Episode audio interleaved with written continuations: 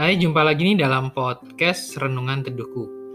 Podcast yang berisi tentang renungan singkat dari firman yang kita baca dan kiranya kita bisa mendapatkan uh, berkat dari firman tersebut. Nah, dalam episode kali ini saya mengangkat tema tentang awasi mulutku. Wah, perlu diawasi. Kenapa ya perlu diawasi? Kita akan berdasarkannya dalam Mazmur 141 ayat yang ketiga. Awasi mulutku ya Tuhan, berjaga-jagalah pada bibirku Nah, ada pepatah yang mengatakan mulutmu harimaumu, yang jika diartikan secara sederhana berhati-hati dengan ucapan mulut kita.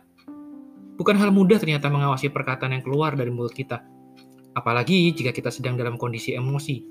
Maka biasanya secara spontan, mulut kita akan mengeluarkan perkataan dan cenderungnya negatif. Raja Daud yang menyadari hal ini, dia menulis Mazmur dan kemudian tercatat dalam ayat ini. Daud sendiri sadar secara manusiawi dirinya mungkin tidak bisa seterusnya mengontrol perkataan yang keluar dari mulutnya. Hal inilah yang menyebabkan Daud berdoa agar Allah yang mengawasi perkataan yang keluar dari mulutnya dan bibirnya, sehingga bukan perkataan negatif dan menjatuhkan, melainkan perkataan positif dan membangun. Mari seperti juga Daud, kita pun harus terus meminta Tuhan mengawasi mulut dan bibir, yaitu perkataan kita. Tentu hal itu dimulai dari hati seorang, karena perkataan dari mulut kita bersumber dari hati.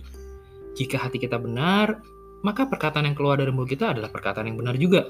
Begitu pula sebaliknya. Jika hati kita tidak benar, maka perkataan yang tidak benar yang akan keluar. Jadi, ketika kita minta Tuhan mengawasi perkataan yang keluar dari mulut, maka sebenarnya kita juga minta Tuhan mengawasi hati kita.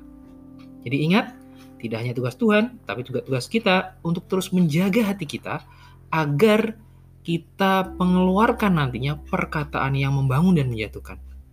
Jadi, jagalah perkataan yang keluar dari mulut kita, jagalah hati kita, karena di situlah terpancar kehidupan.